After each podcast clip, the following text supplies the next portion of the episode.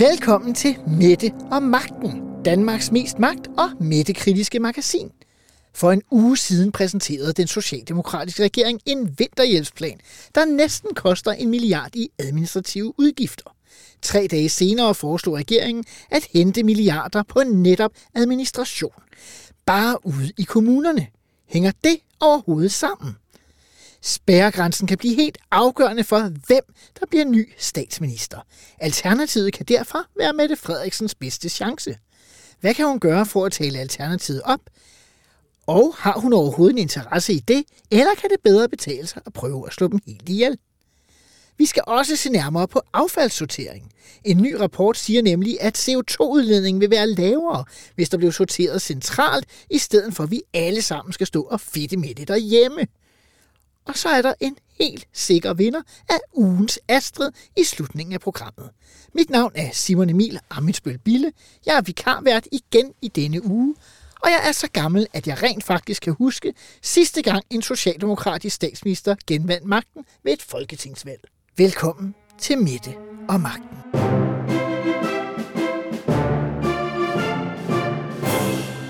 I sidste uge aftalte regeringen en vinterhjælpspakke med et bredt flertal i Folketinget. Et hovedelement i pakken er indefrysning af el, gas og fjernvarmeregninger. Benny Engelbrecht, Socialdemokratisk finansordfører, velkommen til programmet. Tusind tak. I bruger rigtig mange penge på at administrere den ordning. Til eksempel koster indefrysningsordningen 60 millioner allerede i år, og til at administrere de 60 millioner bruger I 50 millioner kroner. Hvordan kan det forsvares?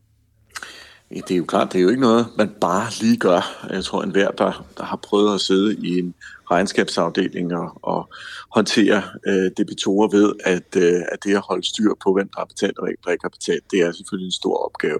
Og derfor øh, er der både nogle administrationsopgaver, der ligger ude hos øh, øh, forsyningsselskaberne, og der vil selvfølgelig også være nogle administrationsopgaver, der ligger øh, i det offentlige, og, og det har vi så altså via aftalen øh, valgt at dække ind. Det man skal huske, det er, det er jo nogle meget, meget, meget betydelige kreditter, vi taler om her mm-hmm. øh, i, i størrelsesorden øh, op omkring øh, er over øh, potentielt 40 milliarder kroner.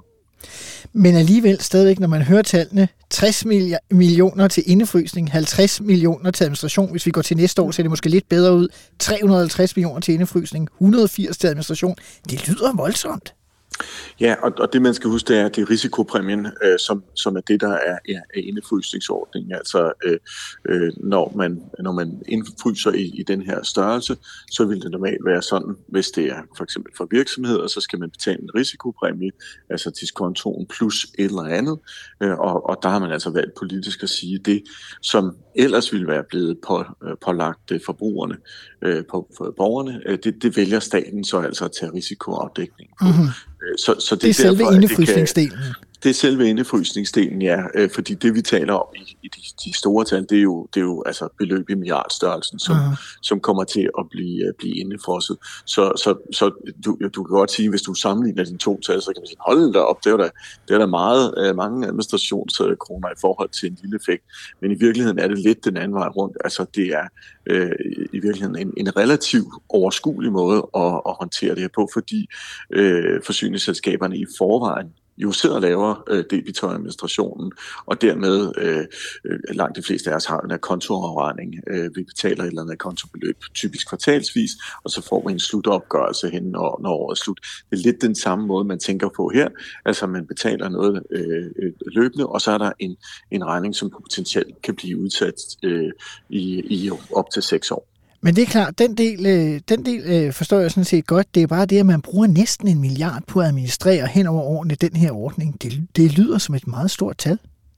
Men det er jo også et kæmpe beløb, vi taler om, og derfor så er der ikke nogen, der forestiller sig, at, at det her er noget, der kan gøres bare lige med en, en snuptagsløsning. Øh, og øh, man må også sige, at øh, det har også været øh, meget stor grad af fleksibilitet, der er blevet udvist fra forsyningsselskabernes side, altså både dem, som forsyner med el, dem, der forsyner med fjernvarme, dem, der forsyner med gas, for at finde frem til nogle løsninger, som også passer ind i deres systemer, sådan at, øh, at, at det netop ikke har været sådan, at vi har eksempelvis skulle kræve, at de byggede nogle helt nye IT-systemer op, fordi så kan jeg love dig, så var det, øh, øh, så, så var det blevet meget, meget, meget dyrere end, end det, som, øh, som lægges op til her. Øh, vi har lavet en øh, er spurgt både i Erhvervs- og i Klimaministeriet i forhold til, hvad man øh, gjorde for at forberede sig med at forholde sig til de administrative udgifter. Og den 16. september, der får vi svaret fra Klimaministeriet om, at det har de ikke gjort endnu. Og den 20. september får vi fra Erhvervsministeriet, at det har de ikke gjort endnu. Altså, har det skulle, kunne man have fået det lidt ned, hvis man, det ikke skulle have gået så stærkt? Øh, sandheden er jo, at det skal gå stærkt uh, af, af flere forskellige årsager. En hver, der læser det politiske landskab, kan i hvert fald se en af årsagerne til det. Men, men samtidig også, at uh, en hver, der kigger ud af vinduet lige nu, kan også se, at det er ret koldt. Øh, fyringssæsonen begynder lige om lidt, og derfor er vi også nødt til at have konkrete svar på dan- til, til danskerne på, hvordan sikrer vi så, at man ikke bogstaveligt talt er nødt til at gå fra hus og hjem. øh, og, og det kan godt være, at der så kommer nogle tiltag, øh, som vi kan øh, bruge til at, at og, og skrue lidt på, på de omkostninger, der kommer via nogle initiativer fra EU. Men igen, det er heller ikke noget, der ligger klar, hverken i denne eller næste uge. Så, øh, så, så skal vi, skulle vi have det her ud at virke, så var vi nødt til at gøre det hurtigt. Øh, og, og det er jo altså så hurtigt, at øh, øh den aftale, der blev lavet i fredags, øh, blev første behandlet i Folketinget i går, og anden og tredje behandlet altså endelig vedtaget i dag, og dermed også kan få virkning hurtigst muligt. Kunne man have forestillet sig, at man kunne have hjulpet de øh, udfordrede mennesker på en mere simpel måde, hvis man ikke var gået indefrysningsvejen? Uh, indefrysningsvejen er nok den, den mindst, mest simple af alle, uh, som, uh, som man kunne forestille sig. Ellers så skulle man have været ud og, og lave nogle låneordninger via uh, private banker eller andet, og det havde uomtvisteligt været, været øh, mere kompliceret end, end det, der lægges op til her. Øh, så, så øh, man kan sige, hvis man nu havde forestillet sig den tanke, at man ikke havde lavet den ordning, der er lavet nu, så ville man formodentlig nok have stået i en situation, hvor, hvor forsyningsselskaberne øh, i et vist omfang havde været nødt til at gøre det her alligevel, altså lave nogle ordninger, hvor, hvor der var borgere, der fik henstand, øh, og det ville også potentielt have ført til øh, situationer, hvor staten måtte have trædet, øh, trædet til med en eller anden form for, for garanti, øh, fordi det simpelthen i yderste konsekvens vil kunne bringe nogle af de her forsyningsselskaber helt i knæ. Øh, så, så man kan sige, vi har nok været nødt til at gøre noget i den her stil under alle omstændigheder. Nu har et bredt flertal i Folketinget så bare valgt at gøre det på en måde, hvor vi har været, altså, handlet øh, med ret tid omhu, kan man sige, og lavet en, en proaktiv indsats øh, med et system, som øh, meget tyder på, nok er det mindst bøvlet af alt det, vi kunne finde på. Jeg tænker bare, når man nu har en øh, socialdemokratisk regering, så kunne man måske også have sagt, det kan godt være, at energipriserne de stiger, men vi vil gå efter mere målrettet og hjælpe dem med de mindste øh, indkomster. Man kunne have kørt mere over børnesjekken, eller mere efter nogen, der får bestemte former for velfærdsydelser, øh, i stedet for jo, men, men nu er det jo faktisk sådan, at det, det langt fra blot er øh, øh, de borgere, der, der har lave indkomster, som, som får udfordringer. Det gør de også, øh, men det er jo også øh, dansk erhvervsliv øh, over en bred kamp, øh, som, øh, øh, som har store udfordringer. Altså de, som ikke har lavet øh, øh, certificerede langtidskontrakter med, med deres øh, elforsyning, de står jo altså virkelig med nogle kæmpe store regninger, som potentielt kan føre til lukkede by, øh, købmandsbutikker og den slags ting. Så, øh, så, så når denne her ordning øh, bliver gennemført, er det jo ikke kun for borgerne, det er også for, for, for alle dele af dansk erhvervsliv, øh, inklusiv de energiintensive virksomheder. Så, så det her er en, en meget, meget bred ordning, og det er jo en ordning, som, som, som, øh, som, som laves for at kunne sikre, at vi på den ene side øh, har, øh, altså, øh, har et samfund, som, som, som ruller, som kører, og så på den anden side, at man ikke fjerner incitamentet til, at man også laver energibesparelser, fordi vi står i en energikrise, vi kommer til alle sammen at skulle spare på energien. Jeg står på kontor lige nu, hvor, øh, hvor der er slukket for lyset i loftet, øh, og, og, og temperaturen er altså skruet øh, godt ned, øh, og det tror jeg, at, øh, at vi alle sammen kommer til at opleve. Uh-huh. Øh, og, og hvis vi nu, øh, kan man sige, ikke, hvis vi nu bare havde løftet regningen. Det ville vi ikke have råd til. Det ville have ført til inflation og alt muligt andet. Men hvis vi nu legede med den tanke, at vi havde gjort det, så ville man også have fjernet incitamentet til, at vi sparede i samfundet en tid, hvor vi er i en energikrise. Så her har vi altså lavet en balance, hvor vi øh, forhåbentlig sikrer os, at, øh, at øh, også de små købmandsbutikker overlever. Så du siger, at den ubiokratiske model ville have været for dyr og for energiintensiv? Den, det, øh, altså, jeg, jeg tror nærmest ligegyldigt, hvilken løsning man ville have valgt, så ville man have haft øh, øh, mindst de samme eller øh, større administrative omkostninger, især når vi er ude i noget, der er så omfattende som dette. Altså, det gælder, øh, det er jo et tilbud, man skal ikke tage imod det, men det er et tilbud, der gælder for alle borgere og for alle virksomheder i Danmark. Vi skal lige nå at vende, at I mandag præsenterede Danmark kan mere 3, altså nummer 3. Mm. Øh, her er der et øh, forslag om 2,5 milliarder kroner i årlige administrative besparelser i kommunerne. Øh, er det nemmere? Det, det, er faktisk, det er faktisk omprioriteringer, men det skal, ikke, skal, det skal nu ikke skille os. Kald det, hvad du vil. ja, nej, men der er faktisk lidt forskel, fordi Øh, fordi i denne her situation handler det om, at vi netop ikke fjerner pengene fra kommunerne, men lader dem beholde dem. Øh, det handler men de skal jo findes først. først. Ja, og derfor at den svære opgave her, det, det er jo nemt nok at sige, det, det, det ved vi alle sammen. Du mm-hmm. har mhm. selv både at sidde på den anden side og, og, og være med til at prøve at finde nogle effektiviseringer og finde, finde ud af, hvordan vi kunne fjerne byråkrati. Det, der er det svære, det er jo i virkeligheden, at det her er ikke så meget kommunerne, det handler om. Det her, det er først og fremmest Christiansborg og Folketinget, som er nødt til at fjerne nogle af de krav, vi stiller til kommunerne. Uh-huh. Øh, og, øh, og derfor er det heller ikke en løsning, som kan løses fra den ene dag til den anden. Øh, det er et, et mål, som skal indfries over det, de kommende år, øh, og, og, og jo i høj grad handler om, at kommunerne også skal spille med og sige, her er nogle regler, dem er vi nødt til at have fjernet, hvis vi skal fjerne noget af det byråkrati, som I har tvunget ned over hovedet på os. Det jeg tænker, synes, er en rigtig sund øvelse. Fair nok. Jeg tænker bare sådan, når man øh, om den ene dag om fredagen, så øh, øh, aftaler man nye administrative udgifter i det statslige regi, og så om mandagen, så foreslår man at fjerne noget i det kommunale regi. Er det så fordi, det er nemmere at regelforenkle eller øh, fjerne administrationsudgifter i kommunerne, end det er det, man laver inde på Christiansborg?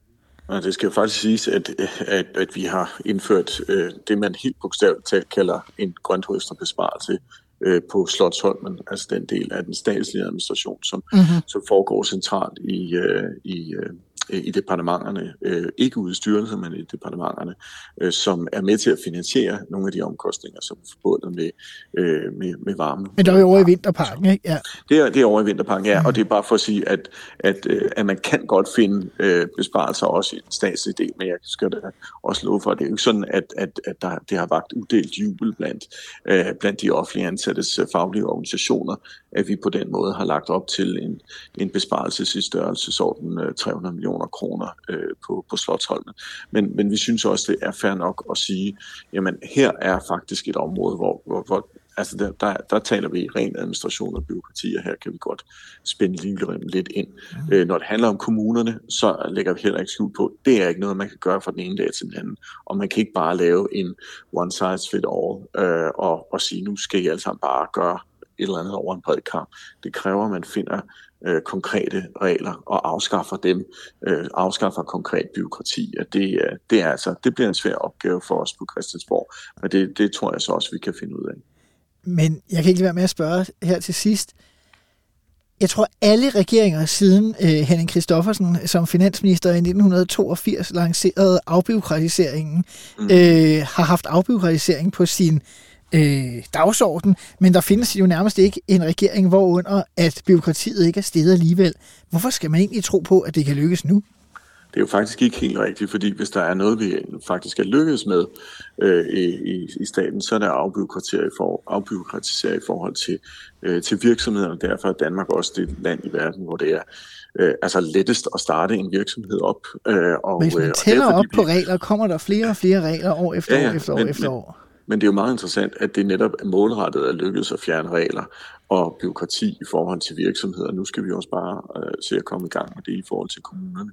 Øh, og med den ildhu, der er udvist øh, blandt andet i Erhvervsministeriet over skiftende regeringer, især naturligvis øh, øh under Henrik Sjærs Larsens øh, øh som erhvervsminister, øh, der, der, der er det faktisk lykkedes at afskaffe rigtig meget byråkrati. Og derfor øh, så, så tror jeg faktisk også, at her er en, en måde, en metode, som vi også kan anvende øh, når det handler om kommunerne. Men vi skal ture, og vi skal også tillade os at sige, her er nogle øh, medarbejdere, der skal sættes fri. Jeg tænker, at øh, vi godt kan konkludere, at det bliver en svær øvelse under alle omstændigheder. Nu vil vi se, hvordan det går. Tak fordi du kom. Det siger jeg selv tak, fordi jeg måtte være med.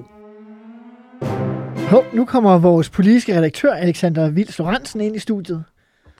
Det gør jeg, øh, for vi har lige et, et hængeparti, øh, Simon Emil. Hvordan synes du, at interviewet med Benny Engelbrecht gik? Jeg synes, det gik godt, men jeg synes, han gled noget af på det.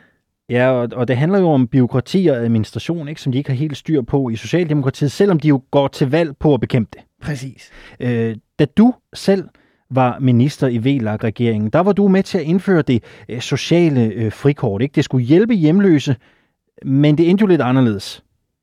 Det hjalp hjemløse, øh, men det er rigtigt, at øh, der kom for meget øh, byråkrati øh, ja. i øh, lige præcis den ordning. Øh, i 2020, ikke, der fortæller Ekstrabladet jo, at ordningen den kostede 37.000 per udsat borger at administrere, mens borgeren så kun fik 10.000 kroner ud af selve ordningen. Hvorfor lavede I egentlig ikke selv en øh, ordning med mindre byråkrati? Men det er faktisk det, der er sådan lidt absurd, ikke? Fordi det, der typisk sker på Christiansborg, det er, øh, man kommer med et godt forslag, nemlig øh, det sociale frikort, som jo netop skal hjælpe nogle af de allersvageste borgere. Og så kommer oppositionen og skal lave et flertal sammen med en, og de kræver hele tiden, at der skal være mere kontrol. Der må ikke være nogen, der ikke får det, som ikke skal have det, og der må ikke være en eneste hjemløs eller bistandsklient eller kontantsmodtager, hvad det hedder, der får det for meget. Så i løbet af sådan nogle forhandlinger, så kommer der forhandlet mere og mere byråkrati til. Vi foreslog faktisk en ordning, der ikke var særlig byråkratisk, men det endte med at blive rigtig byråkratisk. Og så har man jo dilemmaet, skal vi holde fast i det gode formål, eller skal vi tage det her øh, med oveni? Men du satte jo noget i verden for at undgå byråkrati, der endte med at blive mere byråkratisk. Hvis man gerne vil bekæmpe byråkratiet, hvorfor siger man så ja til aftalen? Fordi det vigtigste for os, det var at hjælpe de her øh, mennesker, som ikke kunne få en fod ind på arbejdsmarkedet. Jeg har også mødt folk, der har benyttet sig af den her ordning og haft stor glæde af, at netop kunne få lov til, efter mange år, måske årtier, pludselig at have øh, mulighed for at have et arbejdsliv i en eller anden form igen. Så det var jo for at hjælpe nogle af de allersvageste. Men det kan da godt være, at det var et svagt øjeblik. Det mærkelige ved det er, det fortæller lidt en hemmelighed, i VLAG-regeringen var det omkring det her lavet på den måde, at jeg markedsførte det og formidlede det. Men jeg forhandlede det overhovedet ikke. Det var socialminister Maja Mercado for de konservative, der, øh, der lavede aftalen. Men vidste du egentlig på noget tidspunkt, for I endte jo med at sige ja til en aftale, hvor 29 ud af 45 millioner gik til administration. Havde du på noget tidspunkt overhovedet overblik over, om det kunne lade sig gøre, uden alt det byråkrati, det endte med? Det kunne det sagtens. Øh, men det var der bare ikke et ønske om, for de partier, vi forhandlede med for at komme op på 90 mandater, jeg ved ikke, om du kan huske det, men VLAK-regeringen havde ikke så frygtelig mange mandater i Folketinget. Men, men hvorfor, hvis man kan kæmpe for en løsning, det lyder jo mærkeligt, hvis man kan kæmpe for en løsning og kan dokumentere, at den kan laves mindre byråkratisk, hvorfor siger man så ja til alt byråkratiet? Ikke? Altså burde man så ikke netop som et parti, der ville bekæmpe byråkrati, som dit jo ville sige, det kan vi ikke gå med til, vi skal skære på byråkratiet? Det kunne man øh, selvfølgelig godt have valgt. Jeg vil bare sige, at det her var bestemt ikke det eneste eksempel, du ville kunne have draget frem. Der nu tager vi bare udgangspunkt nej, nej, i det her. Nej, jeg vil faktisk... Øh, tror, du vil blive glad for svaret. Der var nærmest ikke en skattelettelse, vi lavede med Dansk Folkeparti, som ikke gav mere byråkrati. Fordi betalingen hver eneste gang, vi skulle lave en lempelse, om det var det sociale frikort, eller det var øh, lavere bilafgifter, eller det var bedre forhold for beskatning af pensioner, så var det, at Dansk Folkeparti ville komplicere reglerne. Så hver gang skulle vi vælge lavere skat, og mere byråkrati, eller beholde skatten på det niveau, og mindre byråkrati. Du har jo lige lavet et interview med øh, Benny Engelbrecht, hvor øh, du gik efter øh, ham, fordi at han øh, ikke har tænkt over, hvor meget øh, byråkrati hans forslag nødvendigvis vil, vil indføre. Mm-hmm. Men du var selv med til at stemme ja for noget, der førte mere byråkrati med sig. Var du så bedre end Benny Engelbrecht er i dag? Af to grunde, ja. Vi sammenligner for det første 30 millioner i byråkrati med en milliard i byråkrati, og der er dog en vis øh, størrelsesforskel. Den anden ting, det er, at når jeg sad i regering, så var det Socialdemokraterne, der forhandlede byråkratiet ind. Når Socialdemokratiet sidder i regering, så er det dem, der kommer med byråkratiet. Så det er altid Socialdemokratiet og Dansk Folkeparti, der kommer med byråkratiet primært, og det er derfor, det er så uendelig svært at være borgerlig politiker i det her land. Så bare lige her til sidst, det er bare ganske kort. Ikke? Altså, hvad synes du egentlig selv, det siger, som du er ikke engang tidligere politiker, du er jo stadigvæk politiker, med udfordringen om eh, byråkratiets vokseværk, at selv når Liberal Alliance har ministerposten, så får vi sådan nogle fjollede ordninger, hvor eh, administrationen koster næsten fire gange mere end selve belønningen til borgerne. Hvad siger det om selve problemet? Det siger noget om, at øh, så længe det er så svært at skaffe et flertal i Folketinget, så er det også svært at bekæmpe byråkratiet. Tak skal du have. Jeg skulle bare lige, bare lige høre, ikke? Og så ud af mit studie. det går igen nu. Det er fint.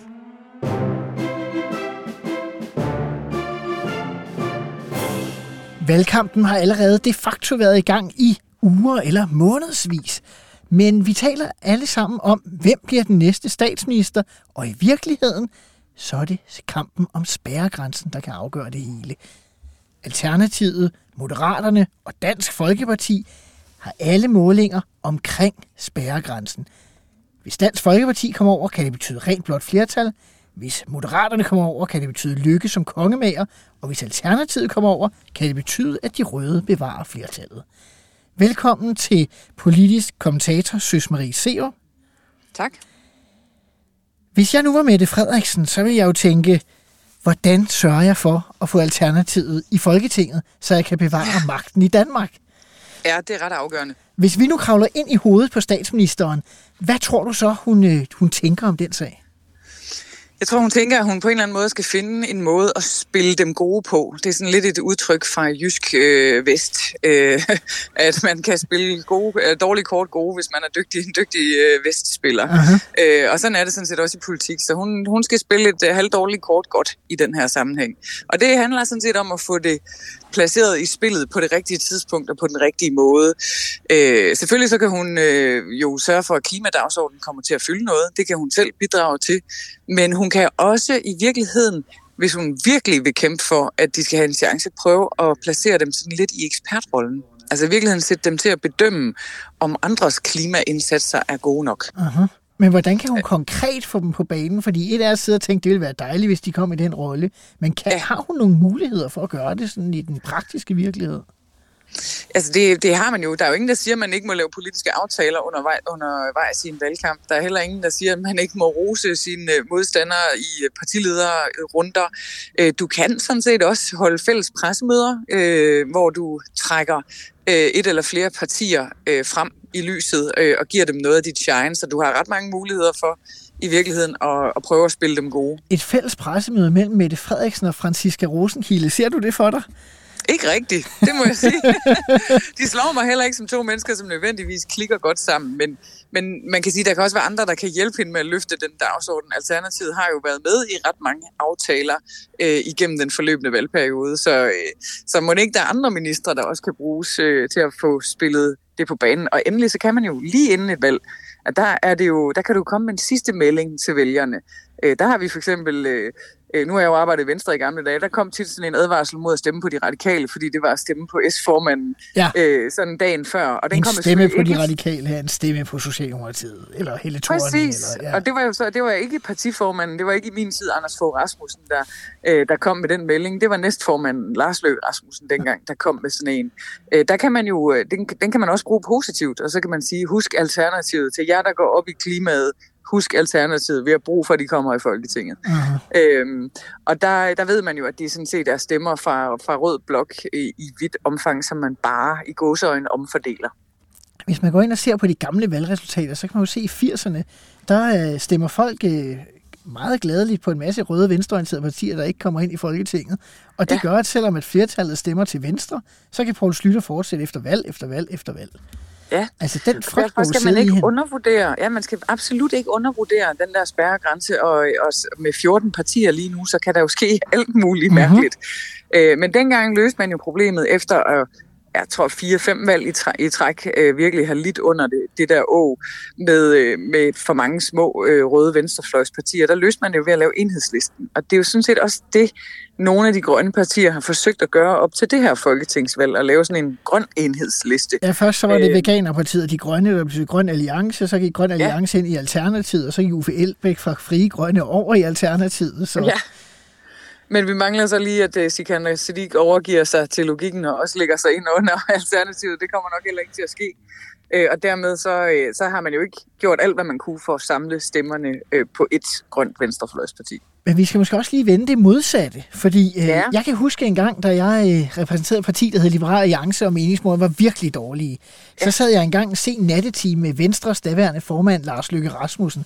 Og så siger han til mig, hvis I kommer op på halvanden procentpoint i meningsmålingerne, så taler vi jer op. Hvis I stadig ligger og roder under de halvanden, så vil vi gøre alt for at få jer så tæt på 0,0 som overhovedet muligt. Ja. Så kan man også forestille sig, at hun vil smadre alternativet, hvis de ligger for dårligt. Ja, og noget af det, man kan gøre, det er, at man kan gå ind og, og måle på, øh, prøve at undersøge de vælgere, der siger, de vil stemme på Alternativet, hvor sikre er de i deres valg? Fordi hvis de i virkeligheden ikke er særlig sikre på, at de vil stemme på Alternativet, så kan det faktisk være en bedre strategi simpelthen at jorde dem. Mm-hmm. Øh, det var noget af det, øh, vi selv sad og kiggede på i 2007, hvor Ny Alliance, øh, som det hed dengang, øh, stod til at brage i Folketinget. Der gik vi faktisk ind og målte på, hvor sikre folk var på, at de ville stemme på dem. Og der viste det sig, at det var nok mere sikkert for os VKO-blokken dengang øh, at jorde dem, end at løfte dem. Okay. Hvis vi så bare lige går over til de borgerlige her til allersidst, øh, så tænker jeg, at øh, Dansk Folkeparti er jo et andet parti, som jo efter at have fået 37 mandater for øh, syv år siden ved Folketingsvalget, nu ligger i flere målinger ruder også under spærregrænsen. Ja. Øhm, og det kan altså også afgøre valget. Det er det? Øh, fordi det er, vi er jo inde på de der, det er inden for alle, alle de målinger, vi ser lige nu, det skal man lige huske der er øh, balancepunktet mellem rød og blå blok eller lykke som kongemager. Det er jo inden for de her 2% statistisk usikkerhed. Og læg dertil, at der har vi altså tre partier, der ligger og bobber op og ned omkring øh, spærregrænsen.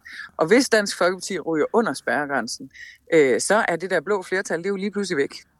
Så forestiller du dig også lige om lidt, så ser vi Jakob Ellemann og Søren Pape, der vil fortælle om, hvor fantastisk det er en idé det er at stemme på Morten Messersmith. Det har jeg til gengæld meget svært ved at se for mig, fordi kannibaliseringen, den interne kamp i Blå Blok, den er så hamrende intensiv. Mm-hmm. Så alle kæmper for øh, at holde på deres. Øh, og der, vi, lige nu tegner det jo til, at vi har Danmarksdemokraterne, konservative og Venstre, der bliver stort set lige store, store. Der er simpelthen ikke nogen af dem, der har overskud til at løfte blikket og se, hey, hvis ikke vi får ham der Morten med, så går det galt. Så partiegoismen kan i virkeligheden, altså i Blå Blok, kan i virkeligheden ende med, at øh, Mette og Magten kan fortsætte som radioprogram fire år til? Ja, det kan det meget vel, og jeg synes også, det er værd at notere sig, at det her valg, som, det kommer jo til at rydde op på venstrefløjen. Altså vi får jo færre partier på venstrefløjen, når vi er igennem det her valg, hvor øh, det ser ud som om den atomisering af partier, der er på højrefløjen, den bliver simpelthen låst fast i beton, og det betyder altså noget for Blå Bloks muligheder, ikke bare de næste fire år, men de næste otte eller ti år. Hvad så med moderaterne? Altså, de ligger også i nogle enkelte målinger under spærregrænsen, selvom de måske ligger lidt lunere end de to andre partier, vi har talt om. Ja.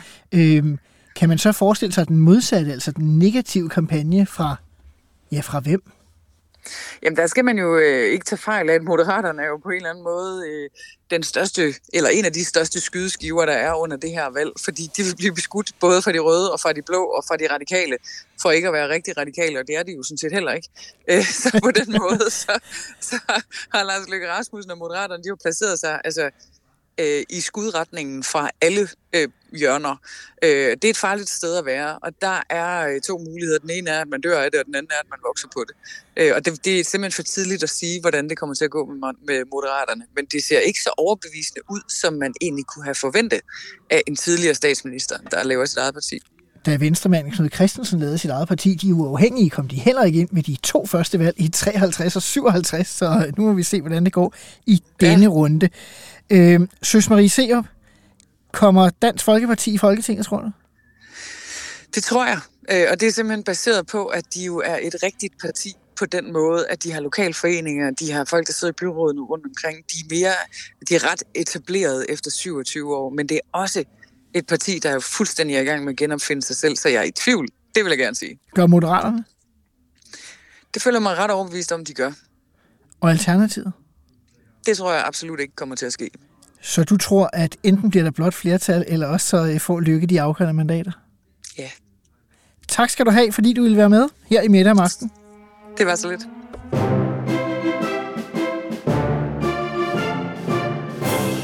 For lidt over to år siden blev det besluttet, at danskerne nu skal til at sortere i ikke mere end 10 forskellige spande, når vi skal af med vores affald. Senest er der kommet en øh, rapport, der siger, at det måske alligevel ikke er så god en idé at affaldssortere, som vi ellers troede. Til at gøre os klogere på det, har vi Simon Frejesleben fra øh, Ingeniøren øh, med. Du er fagredaktør på et af nichemedierne.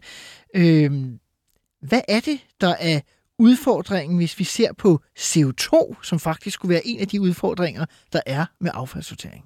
Ja, Altså det, som den rapport, du refererer til, det er en sådan livscyklus screening, hedder det, som øh, Rambøl har lavet øh, for nogle fynske kommuner, der gerne vil have en lidt anden løsning, af den regering har lavet op til at bede du og jeg om at sortere i ikke nødvendigvis 10 spande, men, men 10 fraktioner derhjemme. Øh, spandene, det kan variere lidt fra kommune til kommune. Ja, Men, men øh, det, som de egentlig siger, det er, at i stedet for at bede borgerne om at stå møjsommeligt og sortere deres øh, plastikaffald og deres øh, mad- og drikkekartoner, som de hedder, øh, det er i daglig tale, vi vil kalde mælkekartoner, øh, i stedet for at bede dem om at bruge tid på det, fordi... Øh, ja, men i stedet for at bede dem om at, at bruge tiden på det, så, øh, så siger de faktisk, lad os prøve at smide det hele i restaffaldet, så samle det på et centralt anlæg, og så eftersortere det der. mm-hmm. Og øh, grunden til, at det er bedre ifølge, ifølge den her Rampel-undersøgelse for, for klimaet, det er simpelthen, at vi ikke er særlig gode til at kildesortere. Vi er ikke så gode til, som vi måske går og tror, selvom vi gerne vil sortere, så er der bare rigtig meget, der rører ved siden af. Så selv de bedste kommuner, der er det kun omkring en, en nogen 40 procent af, af den samlede mængde genanvendeligt plast og mælketonger, som vi faktisk smider i den rigtige spand. Så man får ikke engang halvdelen, når man lader folk sortere selv. Det er i hvert fald det, som, som tallene viser. Øhm, og det er det, der er hele argumentet i den her undersøgelse, det er, at CO2-besparelsen bliver øh, omkring seks gange større ved at samle det centralt, og så lade maskinerne gøre det.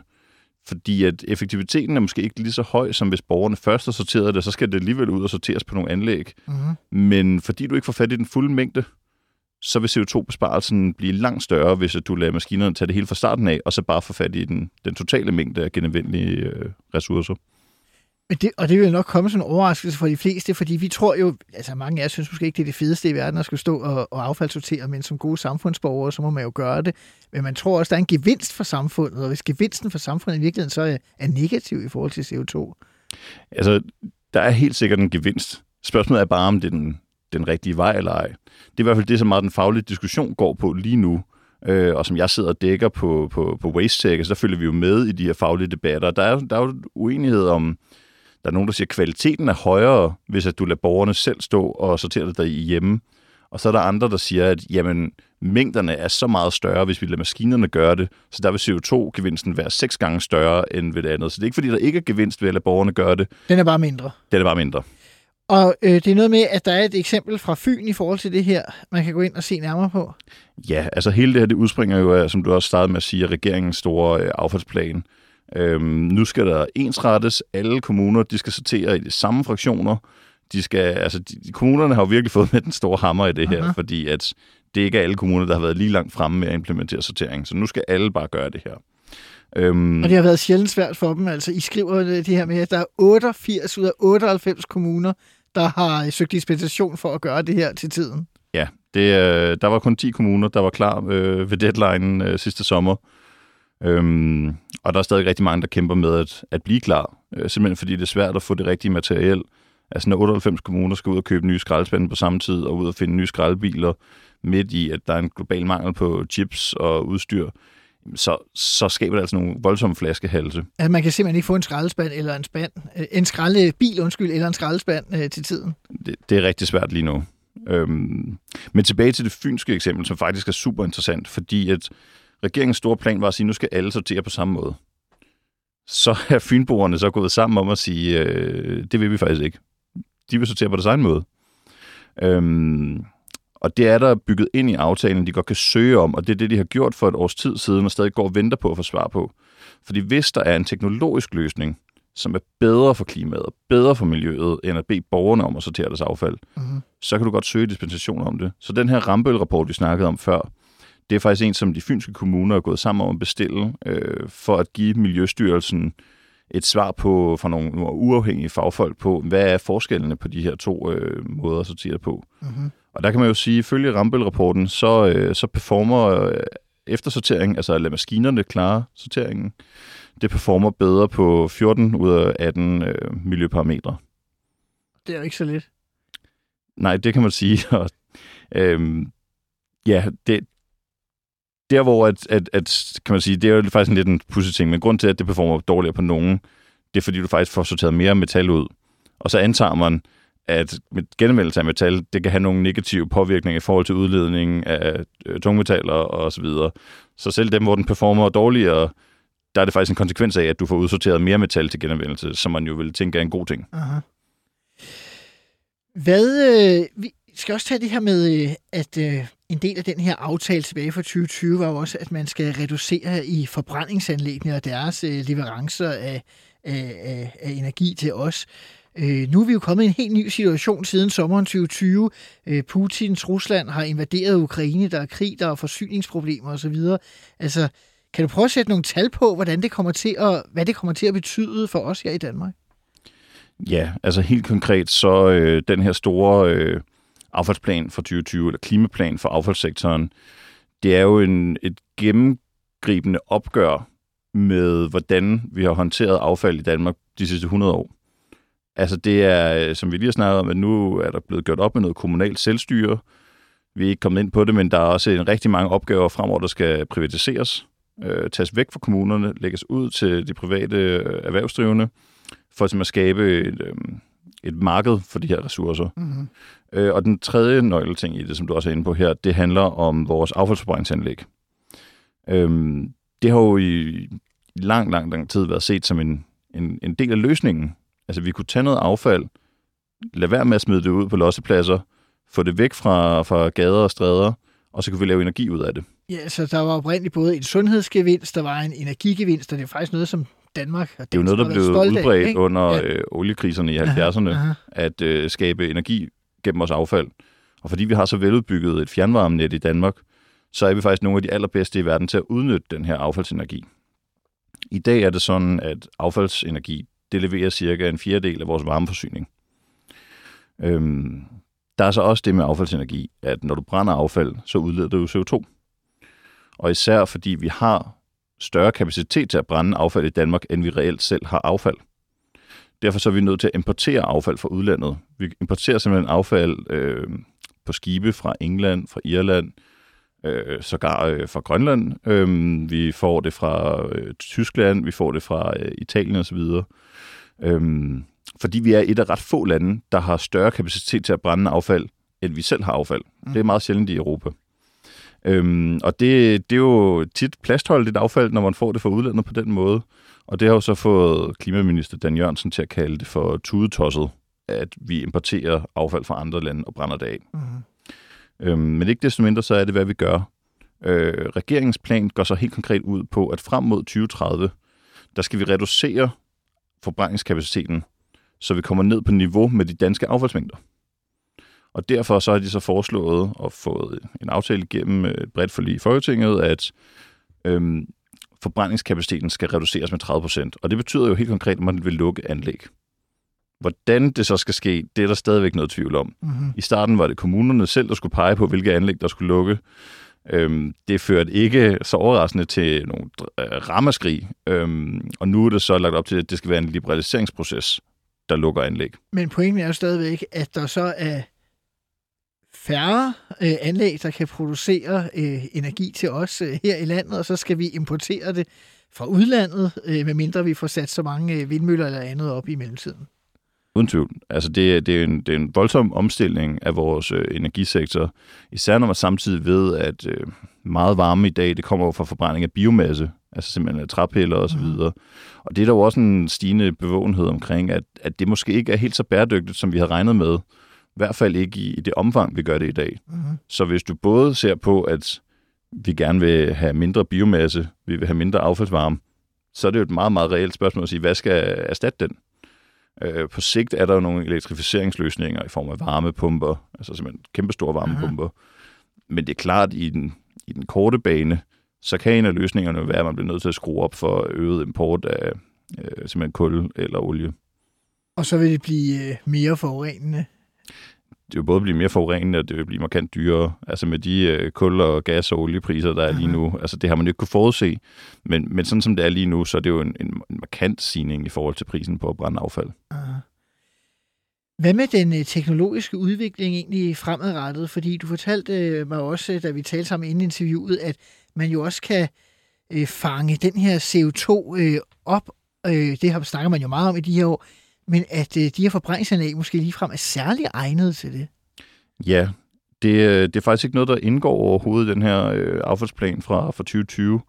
Og den, den kom jo på et lidt sjovt tidspunkt, fordi det jo ikke er særlig lang tid efter da, at der begyndte øh, man at arbejde for en, øh, en, en CO2-fangstplan, og der er blevet afsat en stor national pulje Øhm, teknologien udvikler sig hurtigt, øh, og der er faktisk allerede øh, Amager Bakke øh, i København, forbrændingsanlægget der, de har et øh, pilotanlæg, og næste år der opskalerer det til et øh, demonstrationsanlæg, hvor de faktisk begynder at, øh, at fange den her CO2 og lære den. Uh-huh.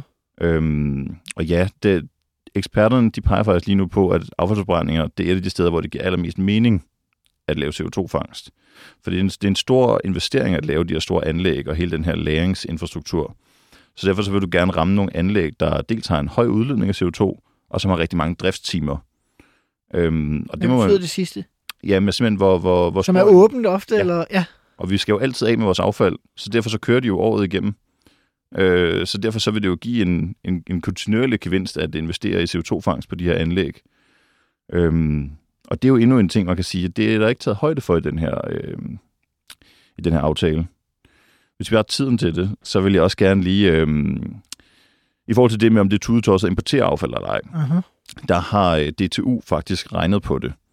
Og ifølge DTU's øh, analyse, så er det faktisk i den korte øh, horisont, tidshorisont, der er det en klimagevinst, ikke for Danmark, men for Europa som sådan, fordi det faktisk er bedre for os, at vi tager affaldet hertil, brænder det og udnytter det effektivt, end at det havner på et deponi i udlandet. Og det seneste DTU har ved at sige om det her, det er, at hvis man regner effekten af CO2-fangst ind på det her, så kan det være en klimagevinst også del år fremad at brænde affald fra udlandet i Danmark. Simon Frejsleben, det bliver det sidste ord. Tak fordi du øh, kom og gjorde os klogere på, hvad der er op og ned i den videnskabelige del af forbrænding og affaldssortering. Selv tak.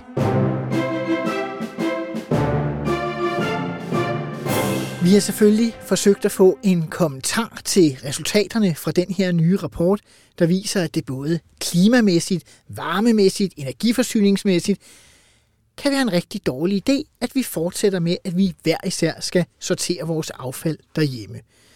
Først spurgte vi klimaminister Dan Jørgensen, men klima Dan havde heller ikke tid til at komme forbi Mette magten i denne uge. Derefter spurgte vi den ansvarlige for affaldsdelen, nemlig Miljøminister Lea Wermelin, men heller ikke hun havde mulighed for at komme. Sidst prøvede vi at se, om Socialdemokratiet så selv kunne sende en ordfører, og vi spurgte klima- og energiordfører Anne Paulin, om hun ville være med, men hun takkede også nej af tidsmæssige årsager. Så dette indslag må undvære en socialdemokrat. Og måske kan man godt forstå dem, for det er jo også et synspunkt, der er svært at stå på.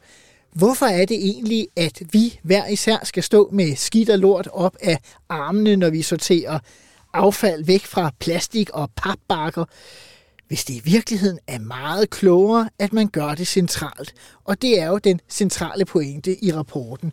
Teknologien vil jo sikkert udvikle sig endnu mere fremadrettet, så forspringet hos den centrale teknologiske løsning i forhold til den mere analoge løsning derhjemme, hvor vi står der i affaldsrummet, det vil sikkert bare blive større og større. Og helt ærligt, det er da et tilbageskridt for civilisationen, at man pludselig skal stå der, jeg lige at sige med hænderne i eget lort, i stedet for, at der er nogen, der tager sig af det.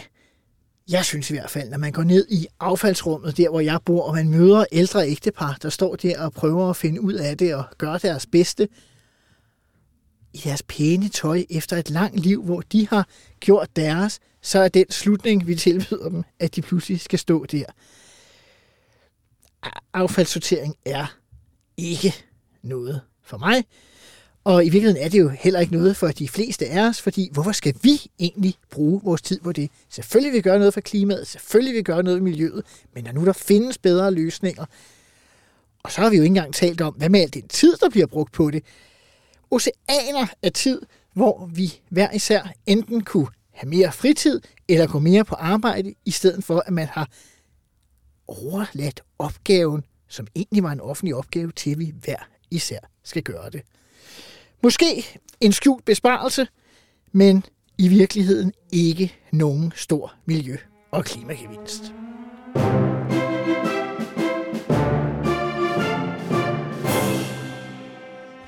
Vi skal selvfølgelig også huske at uddele ugens Astrid, som vi her på Mette og Magten giver til ugens største socialdemokratiske fedterøv. I denne uge er ugens Astrid ingen ringer end Astrid Krav herself. Hun har nemlig haft en rigtig travl uge på Twitter. Først gik det ud over politisk kommentator Peter Mogensen, der for en uge siden formastede sig til at skrive, at regeringen vist ikke rigtig havde fået leveret på statsminister Mette Frederiksens nytårstale tilbage fra 2020, hvor hun ville gøre mere for de udsatte børn.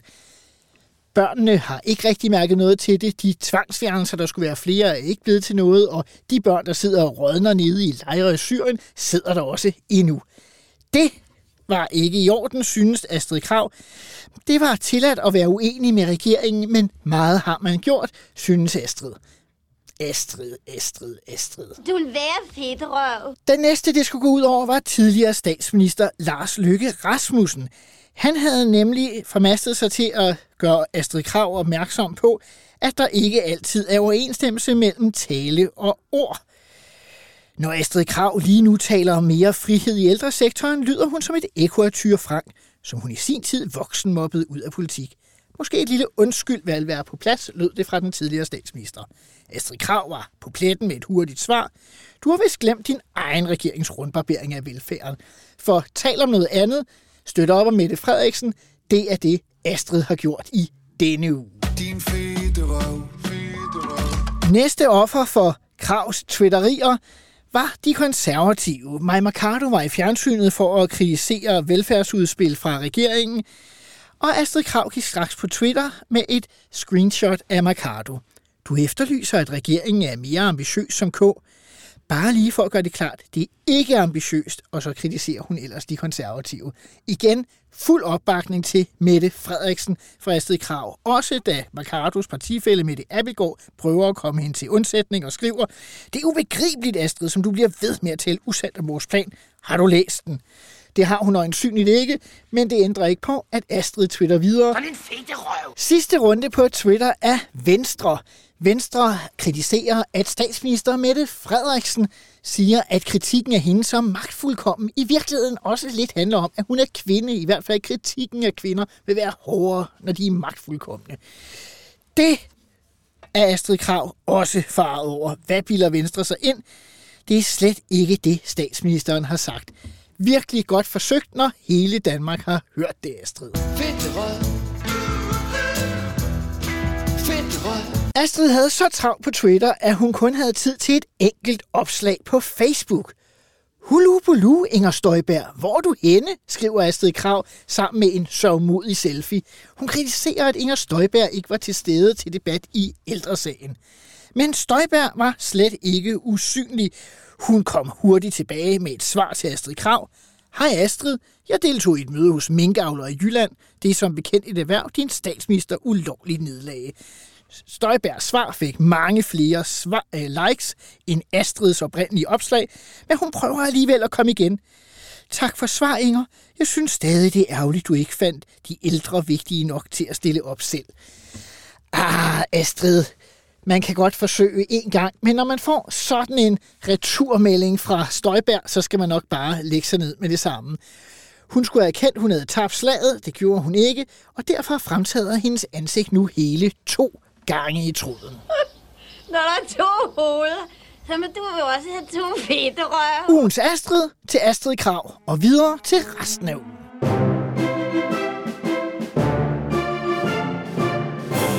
Her til sidst skal vi se på højdepunkter fra ugen for Socialdemokratiet og regeringen. Torsdag var fødevare- og bilagsminister Rasmus Prehn i køkkenet sammen med tv-kok Tim Vladimir i et fremsted imod madspil. Jeg håber, Prehn selv lærte at lave mad. Så kan det jo være, at vi andre slipper for at betale for hans regninger. Og så slipper han også for at skulle stå på tv og forklare sin ansigtskulør hver eneste gang, han bliver opdaget med fingrene i billigskassen. Altså, man bliver virkelig, virkelig rød, når man skal stå med det. Det forstår jeg sgu godt. Ja, det er virkelig noget, der giver farve. Så lad da være, Rasmus. Godnat. Og sov godt. Fredag præsenterede regeringens 2030-plan. Danmark skal have 5.000 flere offentlige ansatte frem mod 2030. Før sidste valg lovede Socialdemokraterne hele 1000 flere sygeplejersker. Dem har vi dog ikke set meget til. Tværtimod er det næsten blevet til 1000 færre sygeplejersker. Lev med det. Sidst på ugen kom et af de mere spektakulære forslag fra vores kære regering. de vil gerne have, at der skal være flere synlige myndighedspersoner og ansvarlige voksne ude i de udsatte boligområder. Men hvad pokker betyder det egentlig i virkeligheden?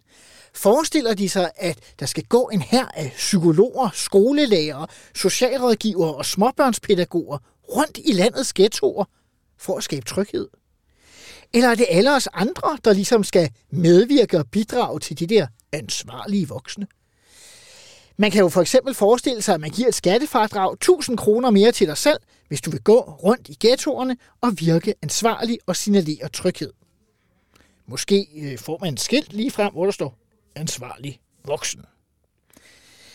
Det bedste af det hele er, at der snart bliver valg. Deadline for det radikale ultimatum er på tirsdag. Der skal statsministeren udskrive valg, for ellers vil de radikale stille mistillid til Mette Frederiksen på torsdag. Og selvom Jens Rode, Sikanda Sidik og Nasser Carter pludselig forsøger at købe sig et par ekstra måneder i Folketinget ved at tale om, at ah, det der med mistillid til regeringen, det er måske ikke lige så passende nu, hvor der har været gaslækage og sabotage øh, ude på olieledningerne og gasledningerne i Nordsøen, så bliver der flertal for mistillid. Beklager Jens, beklager Sikanta, beklager Nasser, men sådan bliver det.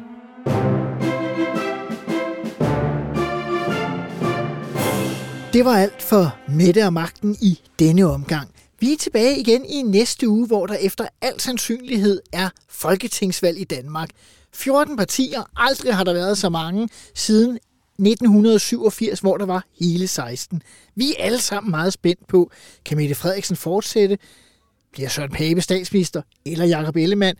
Hvad bliver Lars Lykkes rolle, og hvem kommer over spærregrænsen?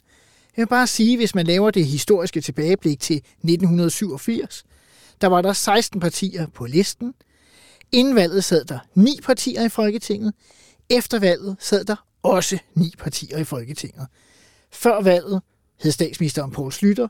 Efter valget hed statsministeren også Poul Slytter. Regeringen fortsatte. Så selvom vi kan se ind i en af de mest spændende og hektiske valgkampe i mands minde, så kan det godt være, at det hele ender med, at vi bare får en regering med nogle af dem, vi plejer, og et folketing, der slet ikke har flere partier, end vi er vant til. Det ved vi meget mere om i løbet af 3, 4, 5, 6 uger, eller hvornår Mette vælger, at valget skal være. Under alle omstændigheder, lyt med igen i næste uge, når vi er tilbage med meget mere magt og Mette-kritik.